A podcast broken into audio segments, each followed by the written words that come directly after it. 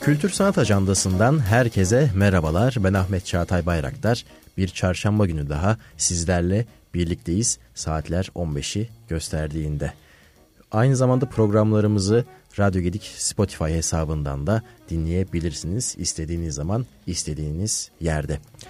Evet bu hafta güzel bir sergiyle ve o serginin sanatçısıyla birlikteyiz. İsmet Değirmenci bizlerle. İsmet Değirmenci Briefly Art'ta açılan Bul Beni sergisiyle bizlerle buluştu ve 10 Aralık'a kadar da sergi açık, gezilebilir, görülebilir ve gezilmesi, görülmesi gereken de bir sergi olduğunu söylemek isterim. Sanatçıyla sohbetimize geçmeden önce aşina olmayanlar için kendisini kısaca tanıtmak isterim sizlere. İsmet Değirmenci 1964 yılında Marmara Adası'nda doğdu. 1991 yılında Marmara Üniversitesi Güzel Sanatlar Fakültesi Heykel bölümünden mezun oldu. 1994 yılında İstanbul'daki Ortaköy Heykel Atölyesi Galerisi'nde ilk kişisel resim sergisi olan Adayı düzenledi. O zamandan beri Değirmenci birçok kişisel resim sergisi açtı ve çok sayıda karma sergiye katıldı. 1995'te S-Bank Yunus Emre resim yarışmasında başarı ödülünü aldı. Değirmenci 2002 yılından beri Yeditepe Üniversitesi Güzel Sanatlar Fakültesi'nde ders vermektedir. Tabi bu kısa biyografinin e, ayrıntıları çokça var. Başka başka düzenlenmiş ödüller ve e, sergiler de yer alıyor. Fakat daha çok sergiyi konuşmak üzere sohbeti de daha fazla e, uzatmamak için kendisine sözü vereceğim. Ve serginin de güzel bir e, tanıtım yazısını Emre Zeytinoğlu e, kaleme aldı. Kendisini daha önce Zeki Faik İzer sergisi için davet etmiştik, konuk almıştık ve kendisiyle bu sergiyi konuşmuştuk. Yine e, İsmet Değirmenci'nin Bul Beni sergisiyle alakalı da güzel bir çalışma yürüttü kendisi ve serginin kataloğunda da yazısı yer alıyor. Öncesinde bu güzel yazıdan bir parçayı sizlere sunmak isterim ardından sohbetimize başlayacağız. İsmet Değirmenci'nin bu sergisi denizden gelen o sesi duyuruyor bize. Ancak sesi duyabilmemiz için alışkanlıklarımızdan ve önceki deneyimlerimizden sıyrılıp bir oyun mantığına geçmemiş, geçmemizi zorunlu tutuyor. Duyularımızın basit algılarına da kapılmamalıyız. Çünkü duyularımız o ses karmaşası içinde denizin sesini ayırt edemeyebilir başka bir gerçeklik ile yani oyunun kendi gerçekliğiyle dinlememiz gerekiyor. Yapıtların bazılarında ses daha belirgin, bazılarında ise yine diğer seslere karışıyor. Ve özellikle sanatçının resimlerine baktığımızda kendi sesi de denizin her şeyi birbirine sızdırdığı, sızdığı, her şeyi birbiriyle takasa dönüştürdüğü karakteri içinde belirsizleşiyor ve denizin o muammasının biçimini alıyor. Fakat o muammaya iyice, olabildiğince yaklaşıp kulak kabarttığımızda bir kez daha derinlerdeki o sesi duyabiliyoruz. Bul beni. Çok teşekkür ediyorum konuk olduğunuz için. Ben teşekkür ederim. İyi ki davet ettiniz. Çok sağ olun. Hem e, konuk olduğunuz için hem de bu güzel sergiyi bizlerle buluşturduğunuz için. Çünkü e, sizin imzanız olduğu o kadar belli ki bir İsmet Değirmence sergisi denmese ciddi, ciddi anlamda sizin eserleriniz olduğu anlaşılabilecek o mesaja, o üsluba sahip bir sergi görüyoruz bu serginizle birlikte. Teşekkür ederim. Serginin e, hazırlık aşamasını sormak isterim size. Ne zamandan beri hazırlandınız Hı. ve sergiye giden süreçte neler yaşandı? Şimdi ben aslında daha önceki e, sergimin devamlılığını sürdürüyordum. O şeydi Doğa Konuşur sergisi ve izler, doğa izleri üzerinden doğru e, çalışmalar yaptım. Bu sürede de, de yine bir ada kavramı gidip gelmelerim oluyordu bu araya adada. E, çünkü sergimde de zaten bunları fazlasıyla anlattım. Adaya gidip gelişlerimde hep bir arınma, bir rahatlama adada. Tekrar orada düşünme, sonra gelip burada devam etme üzerineydi. Bir kavram oluştu kafamda. Onun üzerine bir şeyler. Yani hep sorguladığım şey adada ben ilk önce kendimi sorguluyordum. Tabii ben kimim, ben niçin e, bu tüketim nesnesine dönüşüyoruz şehirde, bu metropolde neden böyle yaşıyoruz, niçin bu tuzakları, gönüllü müyüm bu tuzakların içinde gibi gibi sorular sorarak böyle küçük notlar alıyordum ki e, işte Proust'un e, romanından böyle küçük bir şey. Zamanın e, izindeki romanından işte günün günümüz yani o şimdiki zaman üzerinden de şeyler gelecek zamanı düşünmeden günümüz ilişkileri üzerinden deyip böyle sorularla ben notlar almışım. Bir ara bir okumalar yaparken yeni yazdığım bir kitap var orada. E, romantik hareket üzerinde bir şeyler referanslar alarak yazmaya çalışıyordum bir şey. Oradan küçük bir referans. E, bunun yanında da tabii ki de resimlerime de devam ediyorum. Yani hem yazmak hem resim yapmak pek kolay değil ama ikisini de böyle böyle hızlı bir zamanlamalar ayır. O sırada e, kitabın üzerine bir şey damlattım, bilerek yaptım. Küçük bir e, kitabın üzerinde nasıl olur resim diye düşündüm. Yani bir malzeme arayışlarım var tabii sürekli sorgularım. Bir e, küçük bir ada çizdim şeyin kitabın üzerine. Elimdeki e, o anda kullandığım çini mürekkebiyle ve hoşuma gitti. Sonra oradan doğru süreklilik devam etti ve günlük olarak yaptım bunları. Sergideki e, zaten devamında anlatacağım size. E, hep bir günlük olarak devam ettim. Bir gün işte siyah daha çok siyah renkler üzerinden sonra biraz renkli daha monokromlar gittikçe değişen renkli hatta en son yazın adada yaptığım daha renkli bir e, grup oldu. Onun dışında da farklı bir resim, e, onu destekleyen başka resimler de yaptım. Yani bir yıllık, bir buçuk yıl ama düşüncesiyle bir ön çalışmasıyla iki yıllık bir süreçti bu sergi hazırlama. Sergide zaten gördüğümüz zaman aslında e, antik çağdan modern zamanlara uzanan e, denize ve adaya bakışları içeren e, bir sunuş var evet. Sergi boyunca ve e, sergide de betimlememiz gerekirse üzerinde Bul Beni yazan ve sanatçının e, sizin e, renklerle buluşturduğunuz kitap sayfaları yer alıyor. Tabi bunlar rastgele seçilmiş sayfalar ve kitaplar değil evet. değil mi? Yani şimdi e, metinler üzerinden hiç okutma yapmak istemedik biz. Özellikle Emre Emre'yi de onları konuştuk. Yani metinler metinleri okuyup anlam bulmaya çalışıyor resmin üzerinde çünkü izleyici. Ben tamamen oradaki dikey e, yatay olarak yaptığım kitap sayfalarını o akış e, kelimelerin akışının dikeyliliği falan aslında adanın kavramına çok iyi gel- gelen bir şey oldu. E, ne derler? E, bir araç oldu yani. O yüzden çok sevdim onu. Yani fakat iki kitap Alain de Botton'ın Romantik Hareket, diğeri de e, Nikos Temelis'in Arayış kitabıydı. Şimdi bir göç hikayesi var heykellerle sergide. Bir de romantik hareket yani günümüzün ilişkileri üzerinden çağdaş şehirdeki e, çağdaş ilişkilerden en basit öyle ikili ilişki yani çok e, çoklu ilişkide bir kenara bırak sosyal ilişki bir evde yaşayan ikili ilişkideki aslında eleştiri üzerine yazılmış bir kitaptı. Mutsuzluk, şehrin tüketimindeki, yalnızlığındaki iki insanın e, başaramaması, kendilerini sürekli sorgulamaması ve mutsuzluk üzerine gelişen bir kitaptı. Tabii ama ben bunu şey bir dipnot olarak aldım. Yoksa o, o kitabın bir şeyi olarak asla yansıtmadım. Bir metin şey benzeşimiz yok. Yani sadece bir e, şeydi. Onun üzerine seçtim o anda. Arayıştaki kitaptı. Nikos Temelis'in arayışındaki de Anadolu'daki e, yaşanan daha önceki birlikte yaşanan e, ilişkileri anlatan yani bütün etnik kavimlerin bir arada daha önceki Anadolu'da işte savaş yıllarında yaşamış insanların birlikteliği üzerine ya da belki nostalji de olabilecek bir hikayeydi. Ben orada şeye bağladım kendi aklımdan. E, heykellerin, göç portreleri üzerinden bağladım ama tabii bu sadece bir dipnot olarak bende kalan bir şeydi. Çünkü kitap üzerinden okutma yapmak istemedim. Anlamını değiştirmek istemedim orada. Ve bu sayfalar üzerinde de aslında e, kullanılan renkler içerisinde siyah olsa bile bana e, nedense doğayı, ya sakinliği ve dinginliği hissettirdi doğrusu. Ve 2015'te e, açılan bir yerde sergisinde solgun renklerin e, bulunduğunu da hatırlattı hmm. bir yandan da. E, bu renk bu sergideki renklerin kullanımı hakkında ne söylersiniz?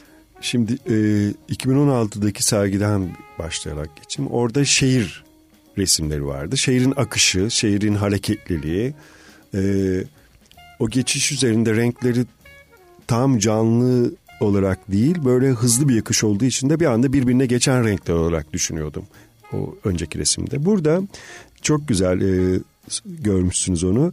Burada bir ada göndermesi, ada metaforu olduğunca adadaki zaten şehirden kopuş ve adanın neydi sessizliği ve dinginliğidir. Kendi içinde adanın biliyorsun kendi sınırları vardır. E, co- coğrafya ve doğa olayları şekillendirir aslında ve orada yaşayan insanlar da bir, bir anlamda onun doğasıyla özdeşir. Yani ada kısaca zamansız bir yerdir. Hani ben böyle bir daha önceki bir yazımda zamansız balık kadar sessiz diye bir metafor kullanmıştım. Gerçekten bir zamanla bir yarış yok şehirdeki gibi. Biz burada telaş, sürekli bir telaşımız, sürekli bir koşturma, yetişememe, hıza da yetişememe. Bir şey yakalayamadığımızı düşünerek e, kaygı kaygı duyuyoruz. Yani şey hızı hızı yakalayamama kaygısı var şehirde ama doğada öyle bir şey yok. Kendine doğru dönme. O yüzden renklerde de bazen çok o renkler, griler, siyahlar aslında böyle karart şey e, içe kapanma değil. Tam tersi huzura bir huzur. Siyah da zaten sanatın önemli bir şeyi. Temel e, şeylerinden birisi. Renklerinden. Yani ana renk olmasa bile bizi etkileyen bir şey. Bir kontur. Ve yine Emre Zeytinoğlu'nun yazısından e, referans alarak bir sorum olacak. Deniz denilince akla ilk gelen macera, bilinmezlik, kimine göre de tehlike. Günümüzün teknolojik olanaklarıyla e, tüm denizler keşfedilse bile bu duygular hala geçerli aslında. Ve siz de sayfalara bir limandan denize açılış sahnelerini de resmediyorsunuz. E, şimdi Emre Zeytinoğlu'nun yazısını da cevabına yer verdiği soruyu size sormak isterim. E, iyi de sanatçı niçin bu gizemli maceralara atılmak ister? Şimdi e, çok güzel. Bu deniz kavramından söz ederken bir 16. yüzyıla gitmemiz lazım. Sen baştan o geçmişi de sorguladığın için, sorduğun için. Şimdi 16. yüzyılda o keşifleri düşünelim. İşte yeni dünya keşifleri falan. Her yolculukta ressamlar var. Bunlar tabii harita yapan ressamlar, haritacı ressamlar diye nitelendiriyor. Bir de e, doğa florası üzerinden resimler yapan ressamlar. Şimdi e, seyahatleri boyunca tabii ki çok uzun bir yolculuk bu. Şimdiki gibi e, birkaç günde ya da bir en fazla uzak yol bir ayda gidilecek bir yol değil, yıllar süren bir yol. E, bu süreçte ressamlar e, o denizin boşluğu içinde yani o nasıl bir duygu içindelerse nasıl bir psikoloji bilemiyorum tabii ki. Boşluğun içine bir ada bırakıyorlar. Ve onlar olmayan adalar. Nereden biliyoruz bu olmayan adaları?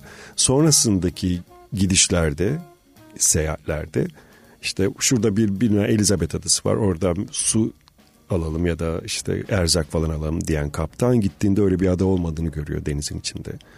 Ve başka yakınlarda git yazılan e, çizilen adalarda da öyle bir ada. Harita üzerinde bulamadıkları adalara e, adaları görüyorlar.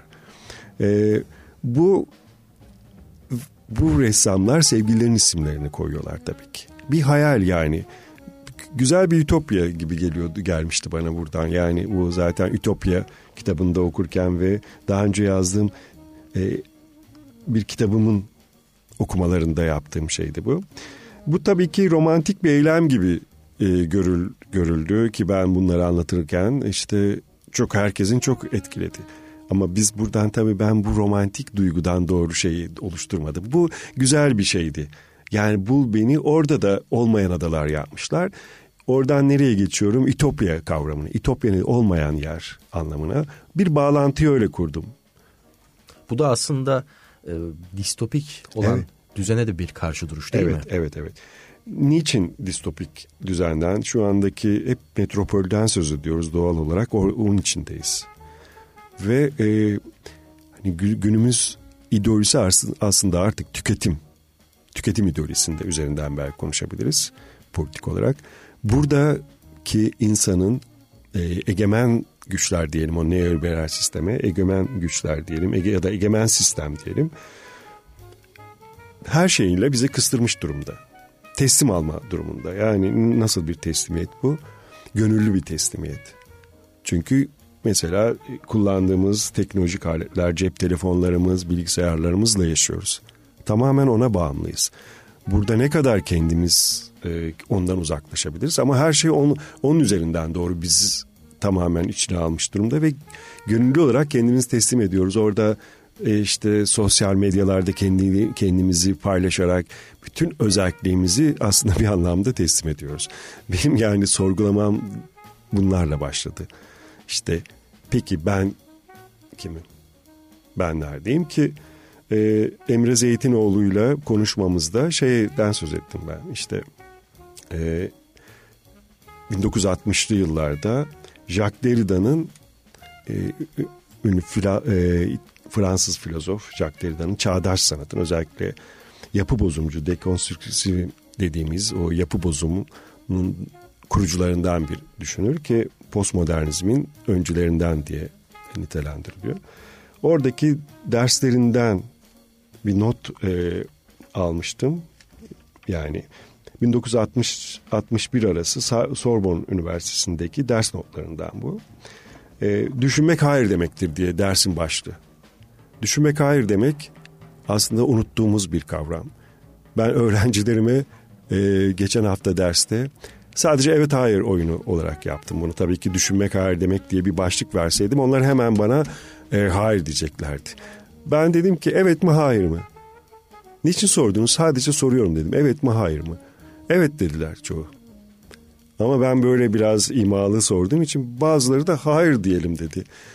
Niçin evet diyorsunuz dedim ben. Hocam bir şey söylediyse evettir. İşte ben ne dedim size hep septik.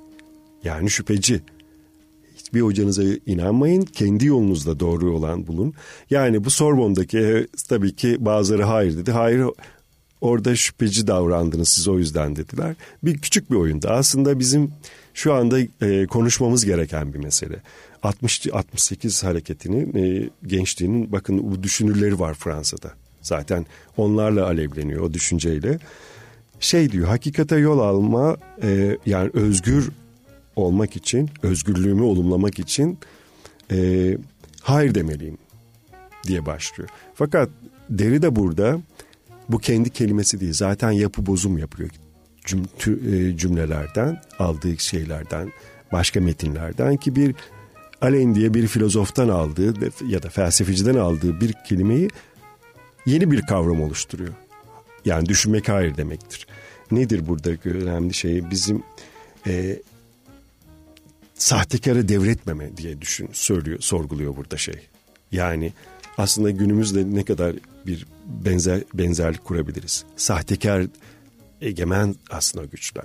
Yine e, tabii ki bir, bir takım şeyler değişmiş ama değişmeyen bir şey kapitalizm daha da yeni bir yüzle, daha gülümseyen bir yüzle, neoliberal bir yüzle bizi tamamen içine almış. Buradan ne kadar e, şey yapabiliriz? E, nasıl çıkış bulabiliriz? Tabii ki e, ha bir de şöyle bir şey söylüyor, metafor yapıyor burada Derrida. Uyuyan insan evet der diyor, uyuklayan diyor. Uyanıp başını kaldıran hayır der. Yani aslında e, şeydi yani tetikte olma, uyanış uyanık olma, tetikte olma, teslim olmama üzerine bir şeydir bu. Yani nasıl bir paralellik kurabiliyoruz değil mi şimdi Çağatay yani günümüzün şeyiyle, Kesinlikle. düşüncesiyle.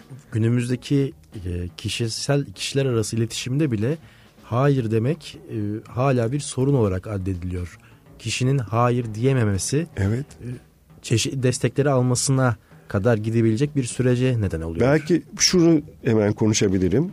Beğeni toplumu, günümüz toplumu. Yani beğeni toplumu e, süslü, pürüzsüz, pür ve pak. Steril. Steril. Hayır olumsuzlamama, olum hep olumlamaya. Herkes e, mesela kendi sanat çevremizden söz edelim çok uzağa gitmeden. Kimse e, birbirinin eşi üzerinde konuşmuyor. Çok güzel.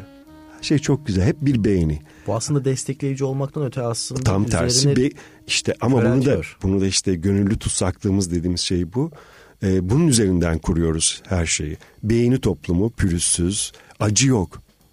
Mesela acıyı nerede görüyoruz? Savaşlarda ve sadece e, film gibi bize izletiyor. Kurgularda. Ve e, sırtımızı döndüğümüzde unutuyoruz. Depremde de öyle. Bir anda unut, unutan bir şey dönüşür. Çünkü hiç yaşanmamış gibi. Zaten nedir? Sistem bunu bize şey yapıyor. Onu unutturmak için her türlü nedenimiz var. Neden var? E, e, sosyal medyanın ya da e, bu işte medyanın diyelim bütün kapsamlı içinde gazetesi, televizyonu vesaire bize onu uzaklaştırmak için ondan tekrar güzel olan, onların estetiği olan neyse o güzel yani tek modele dönüşen tamamen beyni üzerinden e, kendi estetiği üzerinden, kendi oluşturduğu modeller üzerinden güzeli bize sorgulatan bir şeye dönüşüyor. Yani hep beğenin e, eleştirisiz, kabullenmiş ve teslim olmuş bir şeyden. Nitekim Hı. insan beyni de aslında biraz e, enerji harcamamaya meyilli olduğu için yapısı itibarıyla fazla sorgulamamak ve fazla çalışmamak üzerine kurulu ve beyni ne kadar zorlarsak, düşünürsek aslında, eleştirirsek o ölçüde beynimiz çalışıyor veya yeni fikirler edinmeye açık hale geliyoruz veya eleştirilere. Bundan dolayı söylediklerinize paralel olarak da aslında kişiler o konfor alanlarını bozmamak adına ne bir eleştiri yöneltiyor muhataplarına ne de bir eleştiri kabul ediyor. Sadece beğenme, onaylama ve e, tırnak içerisinde desteklediğini sanma unsurları üzerinden devam eden bir ortam söz konusu. Hem sanat ortamında hem de kişilerin ilişkileri arasında yaşadıklarının e, yaşadıklarında bunu görebiliyoruz.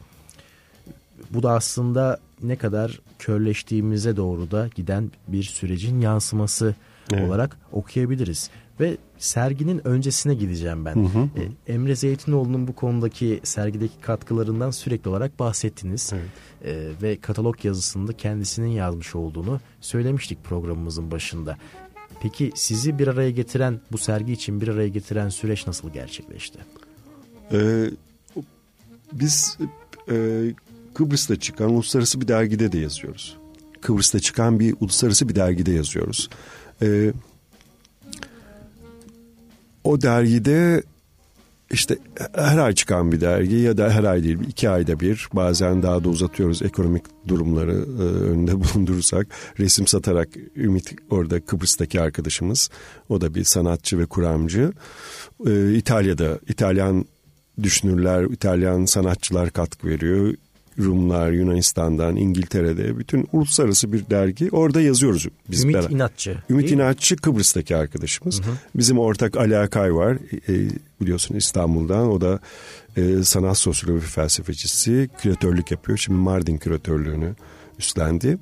Mardin Bienali'nin küratörlüğünü. Yani biz böyle bir Türkiye'den gelen, e, Türkiye'deki arkadaşlarız. Evet böyle ortaklığımız var. Kıbrıs'a gidiyoruz bazen sanat e, söyleşi ya da sanat e, şeylerine katılıyoruz. Yani sergilerine. Emre ile konuşmalarımız var böyle. Ben de ona bu sergiden söz ettim. Ee, yani böyle bir sergim var geldi atölyede konuştuk. Evet yazmak istedi. Yani uzun e, konuştuk. Sonra onun atölyesinde, onun evinde tekrar görüştük, sohbet ettik. Bunun üzerinde oluşturduk yani. Ama bizim Emre ile çok eski bir, bir beraberliğimiz var. E, o ontoloji konusunda pek anlaşamadığımız söylese de iyi bir dostluğumuz var. Zaten e, benzerliklerden öte bazen düşünce sorgulaması çok gerekli bence. Az önce bahsettiğimiz ben, gibi. Bahsettiğimiz gibi her şeyimizi kabullenmek, evetlemek değil e, o ontolojiyi çağdaş felsefeden uzak tutuyor yani varlık bilimden varoluş kavramından. E, tabii Kant'la belki bitiyor ama e, biz şehirdeki insandan söz ediyorum ben. Ontolojik olarak belki biraz bağlantısı olmayabilir ama yine de ben sorguladığım şey şehirdeki insan. Ben, beni soruyorum orada.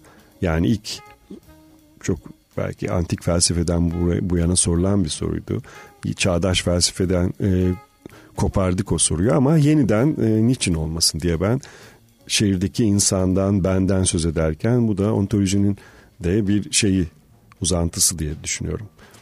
Belki şehirdeki insan o keşmekeşin içerisinde belki biraz olsun kendisine dönüp ben kimim, niçin bu dünyada varım ve neler yapmaktayım sorusunu bu basit soruları da sorması gerekebilir. Nitekim bu tempo içerisinde bu basit soruları bile soramayacak hale gelebiliyor şehirdeki insan, metropoldeki insan kendisine kurmuş olduğu yapay gündemlerle sürekli halde boğularak ve e, somut olarak söylememiz gerekirse bir geçim derdi e, savaşımı da e, veriyor şehirdeki insan ve bu basit soruları antik çağdan beri insanın kendisine sorduğu sorulardan da giderek uzaklaşabiliyor hı hı. ve bir e, büstler yer alıyor hı hı. sergide sergi kapsamında ve bu da aslında oldukça kadın ve erkek e, figürlerinin yer aldığı e, farklı yüz ifadelerinin yer aldığı farklı e, tipteki kadın ve erkekleri görüyoruz göç temalı büstler ile. Ve göç teması günümüzde farklı konularla oldukça sık kullanılıyor. Hem mültecilik hem de beyin göçü anlamında. Siz hangi açıdan göç temasını ele aldınız? Şimdi e, ben bir ada doğumluyum. Marmara Adası'nda doğdum. Ben buraya gelenlerdenim sonradan gelenler. Yani dedelerim işte denizli dedelerim e, Karadeniz'in kıyısından Abana'dan geliyor. Ve adı boş bir adaya yerleştiriliyor. Öncesi kimlerdi? Onun eski sahipleri, gerçek sahipleri zorunlu olarak kopartılan insanlardı. İşte mübadelede giden Rumlar. E, fakat gelenler e, zorunlu olarak gelmiyorlar. Yaşam kaygısı için yeniden bir yer kurmak için geliyorlar. Aradaki fark gidenlerle gelenler arasındaki fark tabii ki var. Birisi toprağından koparılmak zorunda zorunluluğuyla gidiyor. Diğeri ise gelenler işte yeni bir yaşam, yeni bir yer, belki yeni bir ekonomi oluşturmak için gelen insanlar. Ben tabii ki ikinci gelen yani gelenlerdenim. E, adaya gelen insanların torunuyum. E, çocukluğumda çok şeye tanık oldum tabii ki. Nedir bu? E, gençlik yıllarıma göre Yunanistan'dan gelen kafileleri gördüm, görürdüm hep.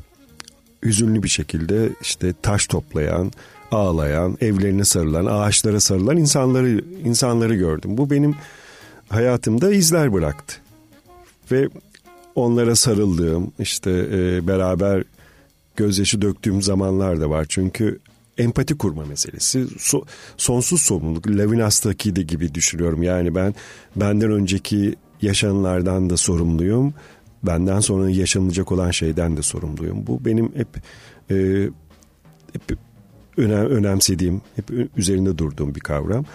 Tabii ki e, adada çalışırken geçen daha önce 3 yıldır, 2,5 yılı geçti bu büstlere başladığımda, yüzlere.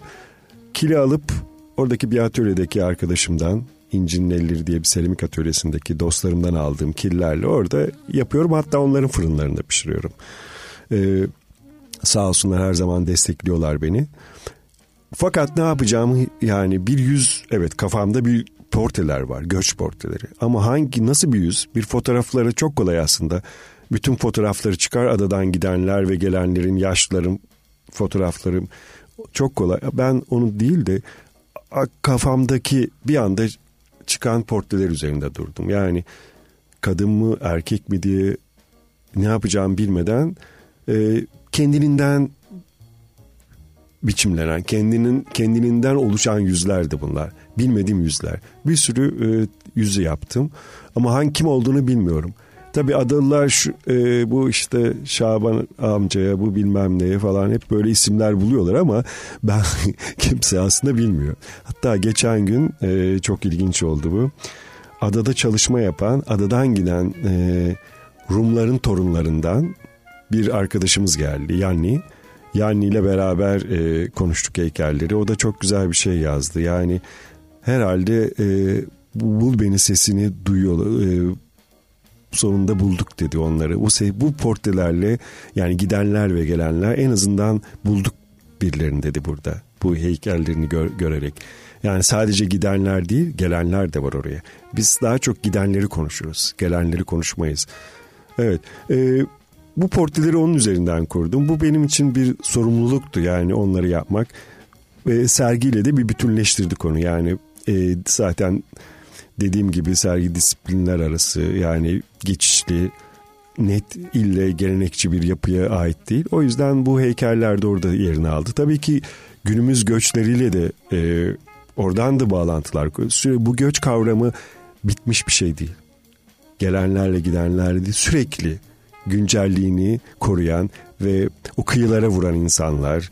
Yani e, ve sonsuza kadar devam edecek gibi gözüküyor. Bu insan sirkülasyonu İşte, evet. e, sürekli olarak devam edecek. Evet. E, dileğimiz tabii bu göç kavramının evet. acılar olmadan, evet. e, herhangi bir kayıp olmadan ve isteğe bağlı olarak gerçekleşmesi herhangi bir şekilde zorunluluktan dolayı veyahut acılarla yüklü bir göç hikayesini kimse istemez. Burada aslında sizin de e, bir sanatçı sorumluluğu içerisinde, bir aydın sorumluluğu içerisinde geldiğiniz yani atalarınızın gelmiş olduğu, yerleşmiş olduğu bu topraklardaki e, kökleri arama, sorgulama ve neden niçin olma e, sorgulamasını da yaptığınızı anlayabiliyoruz Hı-hı. bu heykelciklerle, evet, bu büstlerle birlikte. Bu nitekim çok zorlu bir süreç aslında. Yani e, bahsettik ya konfor alanı içerisinde kalmak da mümkün. O adanın sadece güzellikleriyle, anı yaşayarak e, değerlendirilen nimetleriyle birlikte olmak da mümkün. Ama bunu doğulan toprakların acılarını e, benimsemek, öğrenmeye çalışmak ve zorunlu olarak gitmek zorunda olan insanların e, hatırasına saygı duruşunda bulunmakta aslında bir aydın sorumluluğu olarak da oldukça politik bir duruş olduğunu göstergesi. Nitekim ben bu serginin de aslında çok çok politik olduğunu düşünüyorum. Ama slogan atmadan. Evet. Ee, yani gerçekten çok doğru. Ee, bu sorumluluk unutulan bir durum. Hep konuştuğumuz şeyde unutulan bir şey. Ee, şöyle ki e, bu sergideki önemli şeylerden birisi tabii ki bu geçiş geçişkenliği de yaptım. Politik politik zaten duruşumuz bir insan, bir kişi kimlik olarak bir politik politik duruşumuz var. Burada resimlerimde onu göstermenin bir anlamı yok. Zaten e, söylemlerimle, düşünlerimde, düşünsel şeyimle bu tamamen sanatın içinden bir şey yapmaya çalışıyorum. Oysa çok kolaydır politik bir şey e, simge semboller kullanarak e, bir gazete illüstrasyonu gibi alıp oralara bir savaş ya da bir e, göç resimlerini koyarak dramatize edebilirim. Çok da kolay yeni teknolojilerle insanları çok daha fazla da etkileyebilirim. Ama bu gerçeklik değil. Bu tamamen sosyal gerçeklikten kopuş, gazete illüstrasyonundan başka değil. E, bu çok tehlikeli benim için. Ve bu çok yapılıyor güncel sanat adında. Ben buna hep karşı duruyorum. Bu başkasının acısıyla kendi yaşamadığı bir deneyimi sadece gösterme üzerine. E, bu bana çok şey gelmiyor. Etik gelmiyor en azından. E, sergideki düşünce zaten sistem eleştirisi aslında. Senin gördüğün çok doğru. E, sistem eleştirisi ama resmin değerleri üzerinden, resmin dili üzerinden bir şey e, gösterim biçimi, e, ifade biçimi diyelim.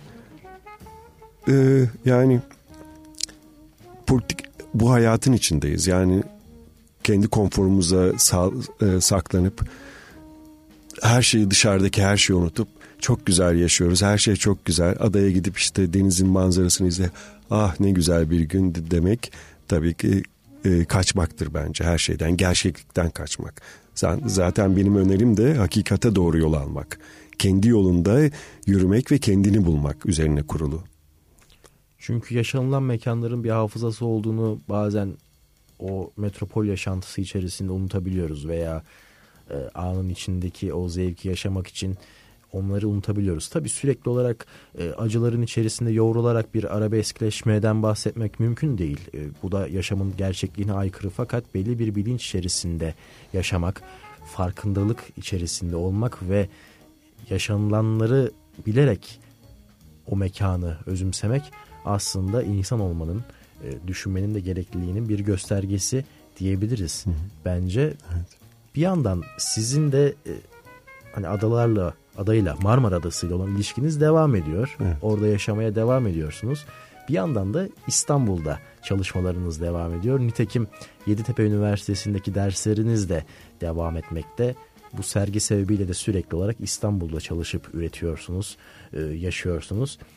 E, sizin sanatınızı ve kendi kişisel yaşamınızı nasıl etkiliyor bu? Bir e, yaşamınızda bir ikililik mi yaratıyor yoksa bir es vermek için sebep mi hı hı. Çok çok güzel gerçekten. Çok güzel bir soru. Şimdi e, ada biraz önce konuştuğumuz gibi olmayan bir yer, ütopik bir yer diye nitelendirdik ama ada benim doğduğum bir yer. Aidiyet duygum olan bir yer. E, bütün gençlik yıllarım orada geçmiş. Oradaki o duyum, duygum. Ve sonrasında İstanbul'da İstanbul'a geliyorum. Okul hayatı, üniversiteler, sonrasında çalışma hayatım ve yaşamımı kurduğum yer oluyor metropol. Yani burada ve orada. Şimdi şehirde e, nedir bütün çok güzel paramızı kazanıyoruz. Her şey iyi gibi gözüküyor ama e, bir ben oluşta bir sahici bende bir sorun var. Maskeler çevrilmiş durumda. E, nereye kadar dayanabiliyoruz buna? İşte sen de uyum sağlıyorsun aslında. Uyum sağlıyoruz yani başka e, çok böyle büyük böyle filozofi bir sorgulama falan yok kendi hayatımızda. Hatta bu konformist ben kendimi de eleştirerek konuşmayı severim. E, kendi konformist yaşamımızda biz de izleyiciye dönüşüyoruz. Yani teslim olma duygusundan söz etmiştik biraz önce. Benim işte bir kaçışım ben burada kendimle e, şeye başladım da eleştiriye. Yani böyle bir olumsuzlama kendime yönelttiğimde soru adaya kaçıyorum, adaya gidiyorum. Orada gerçekten biraz önce söz ettiğim o ar- arınma belki arınma da diyebiliriz. Orada kendimle konuşma saatlerce yürüyorum sabah işte e, birkaç saat yürüyüş yapıyorum. O yürüme halinde sürekli yürüme anında hep konuşuyorsun kendinle. Kendin sadece sen yok sen varsın orada. Doğa ve sensin. Başka hiçbir şey yok. Yani hiçbir statü yok orada. Şehirdeki statülerden uzak, statü kaygısından uzak kendi beninle beraber konuşuyorsun, yürüyorsun. Çevrende zeytin ağaçları var. Orada zeytin ağacı vay Profesör İsmet Bey hoş geldiniz demiyor tabii ki. Orada eşit bir ilişki içindesiniz. Bir e, uyum, doğa uyumu dediğimiz o stoğculardan beri uyum içindesin. Onun sorumluluğu içinde yürüyorsun, berabersin hatta orada e, zeytinliklerine bakma işte bilmem ne. O beni tamamen e, kendime döndüren bir olgu. Adadaki gerçek olan sahici ben adada aslında. Orada tekrar toplayıp kendimi doldurup buraya geliyorum. Burada devam ediyorum hayatıma. O halde sizi şehir yaşantısında olduğu gibi adada da adadaki halinizle de bir tanımak gerektiğini söyleyebiliriz değil mi? Tabii ki e, yani şehir yaşantınızdaki İsmet'le adadaki İsmet farklı maalesef. Yani orada işte daha çok spor yapan, e, yüzücüyüm yani uzak mesafe yüzücüsüyüm aynı zamanda yüzüyorum kendimce. E, şimdi sabah sporları işte oradaki o bir de Zeytinlik'te kurdum bir atölye. Yeni bir güzel küçük bir ev yaptım. Orada çalışıyorum. Bütün serginin önemli bir bölümünü orada hazırladım zaten. Harikulade. O kadar e, yani Çağatay kendimleyim orada. Daha e, ilginç işler de ürettim. Peki Çünkü oraya, burada, oraya gitmek e, her zaman mümkün olamayabiliyor. Evet evet.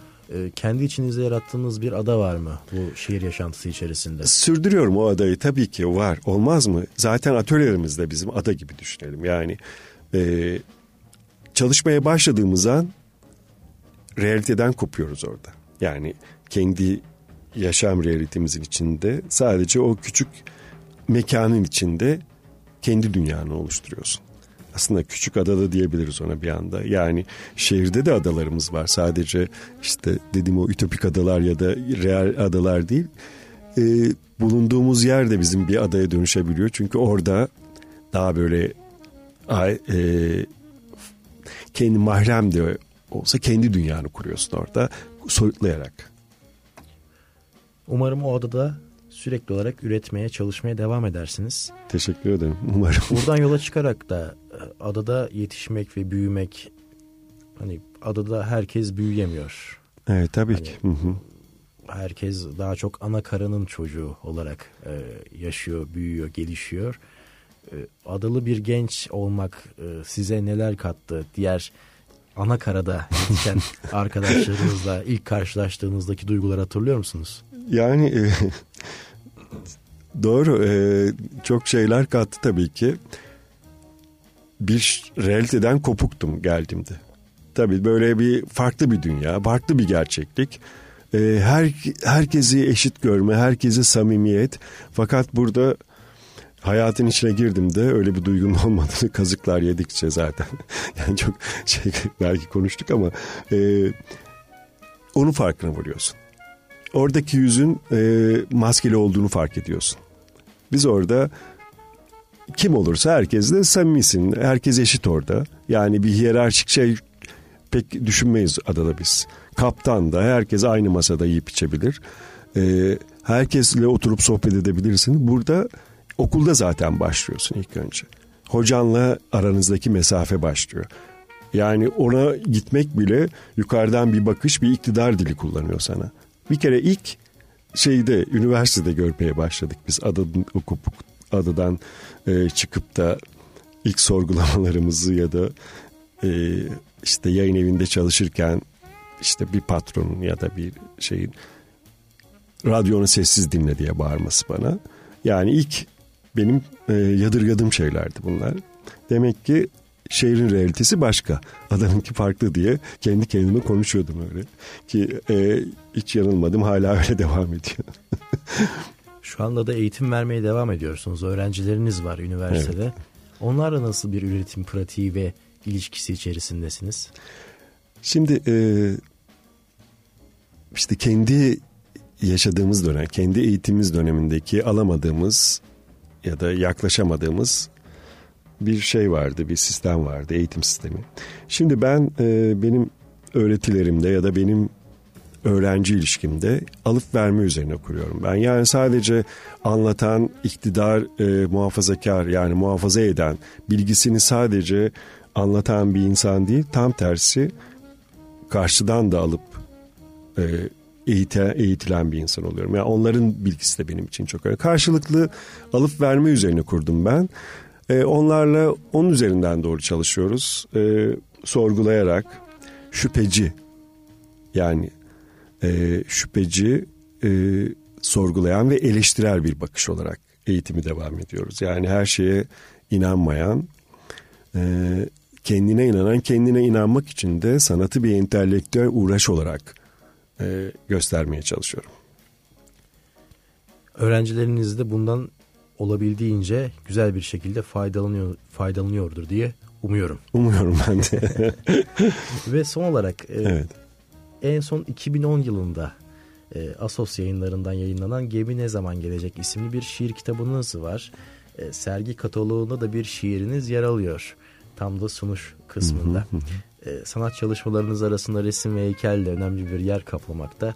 Tabi yazı çalışmaları da var. Ve şiirin yeri sizin için hangi konumda ve programın başında da bir kitap çalışması olduğundan bahsetmiştiniz. Değinirseniz seviniriz. Şimdi e, ben İstanbul'da üniversiteye başladığımda e, okulda birkaç arkadaş edebiyatla ilgili bir dergi çıkardık. Yazın, Yazın diye ayıran yani Yazın dergisi vardı zaten. E, hocalarımızın da desteği vardı. Çok sevdiğimiz bir hoca vardı. Yazarların dostu. Hatta onlarla yemeklere katıldık bir süre. Ben yazmayı hep e, sevdim. Yani yayın evlerinde çalıştım oradaki yazarlarla ama bir, e, bir belki adının o yalnızlığı içinde ha, şehirde de kendi yalnızlığımı ürettim aslında. Hep yazdım pek beğenmedim yazdıklarımı bazılarını böyle sürekli e, bir alan açtı bana yazmak. Yani resimle dışa tabii resim de bir dışa vurum. Sözlerle de e, dışa vurmak başka bir alan açıyor insanın hayatında. Başka bir görü oluşuyor. Başka bir düşünceye doğru yöneliyor. Hatta bazen bir şiirinin imgesinden doğru da resime dönüşebiliyor. Resime ulaşabiliyorum. Yani bir birlikte bir kolaj gibi bakıyorum aslında. Böyle çok hani biz sanat günümüz sanatında disiplinler arası ilişkilerden söz ediyoruz şiirin bana bir şey oluyor, bir katkısı, desteği ki bir kolaj gibi. Ee, bir de farklı bir alan benim için gerçekten yani edebiyatla uğraşmak, e, dil üzerinden bir şey kurmak. Şimdi yine bir bir şiir kitabı üzerinde işte hazırlanıyorum, çalışıyorum. Ne ee, zaman yayınlanacak? E, bilmiyorum artık yayın evi bulabilir miyiz? Çalışıyorum onun üzerine. E, bitince haber veririm sana. Umarım evet. en yakın zamanda okuruz. Evet. Yayın evleri de çalış, çalışırken e, yazarlarla olan ilişkinizden bahsetmiştiniz. Hı hı.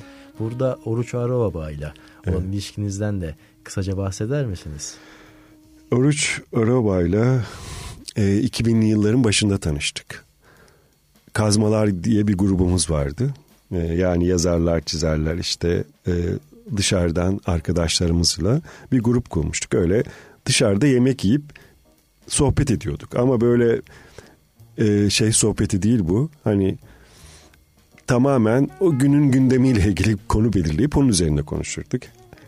E, herkes kendi ol ve bir grup bir gruptuk ama bir grup olarak konuşmama şeyi vardı hepimizde. Yani Oruç abi zaten kendin ol derdi hep. Yani hep onu hiçbir zaman unutmam. Tabii ki onunla bizim çok yakınlığımız sonrasında haiku yazmaya başladık birlikte. Bir yere gidip işte bir köprü altından doğru hadi bakalım ayın doğuşuna bir şey e, haiku yapacağız, yazacağız deyip oturup yazıyorduk. E, acemi haykucular diyordu bize. Varlık dergisinde çıkmıştı o zaman yazdığımız şeyler. Oradan da ben zaten e, yazmayı severdim ama Oruç abi de e, benim hep yazmamı destekledi. Sürekli yazmamı e, işte farklı bakışın işte söylemeye çalışıyor ama Oruç abi ikisini sürdürmek gerçekten çok zor diyordum ben. Çünkü bir yandan resim yap bırak hadi ben şiir yazacağım böyle bir zorunluluk da yok zaten. Ama şiir de e, sürekli kelimeler üzerine bir şeyler notlar alıp bir şeyler yazmak gerekiyor. Yani bugün şiir yazacağım diye bir şey yok zaten. Yani Oruç abiyle e, hatta bir kitap projemiz vardı. Ben çizip zeytin ağaçları üzerine çizimler yaptım. Ben hatta şimdi yayınlanacak bir kitap var. E, sponsor arayışındayız. Uzun yıllardır yaptım. Sadece adada yaptım. Zeytin ağaçları var. İşte zeytin ağaçların sorumluluğu üzerinden işte o endüstriyel turizme, maden ocaklarına ve de e, lüks villalar için katledilen ağaçların anısına yıllardır sürekli ilk önce kendi çevremden zaten yok oluşa tepki olarak başladım.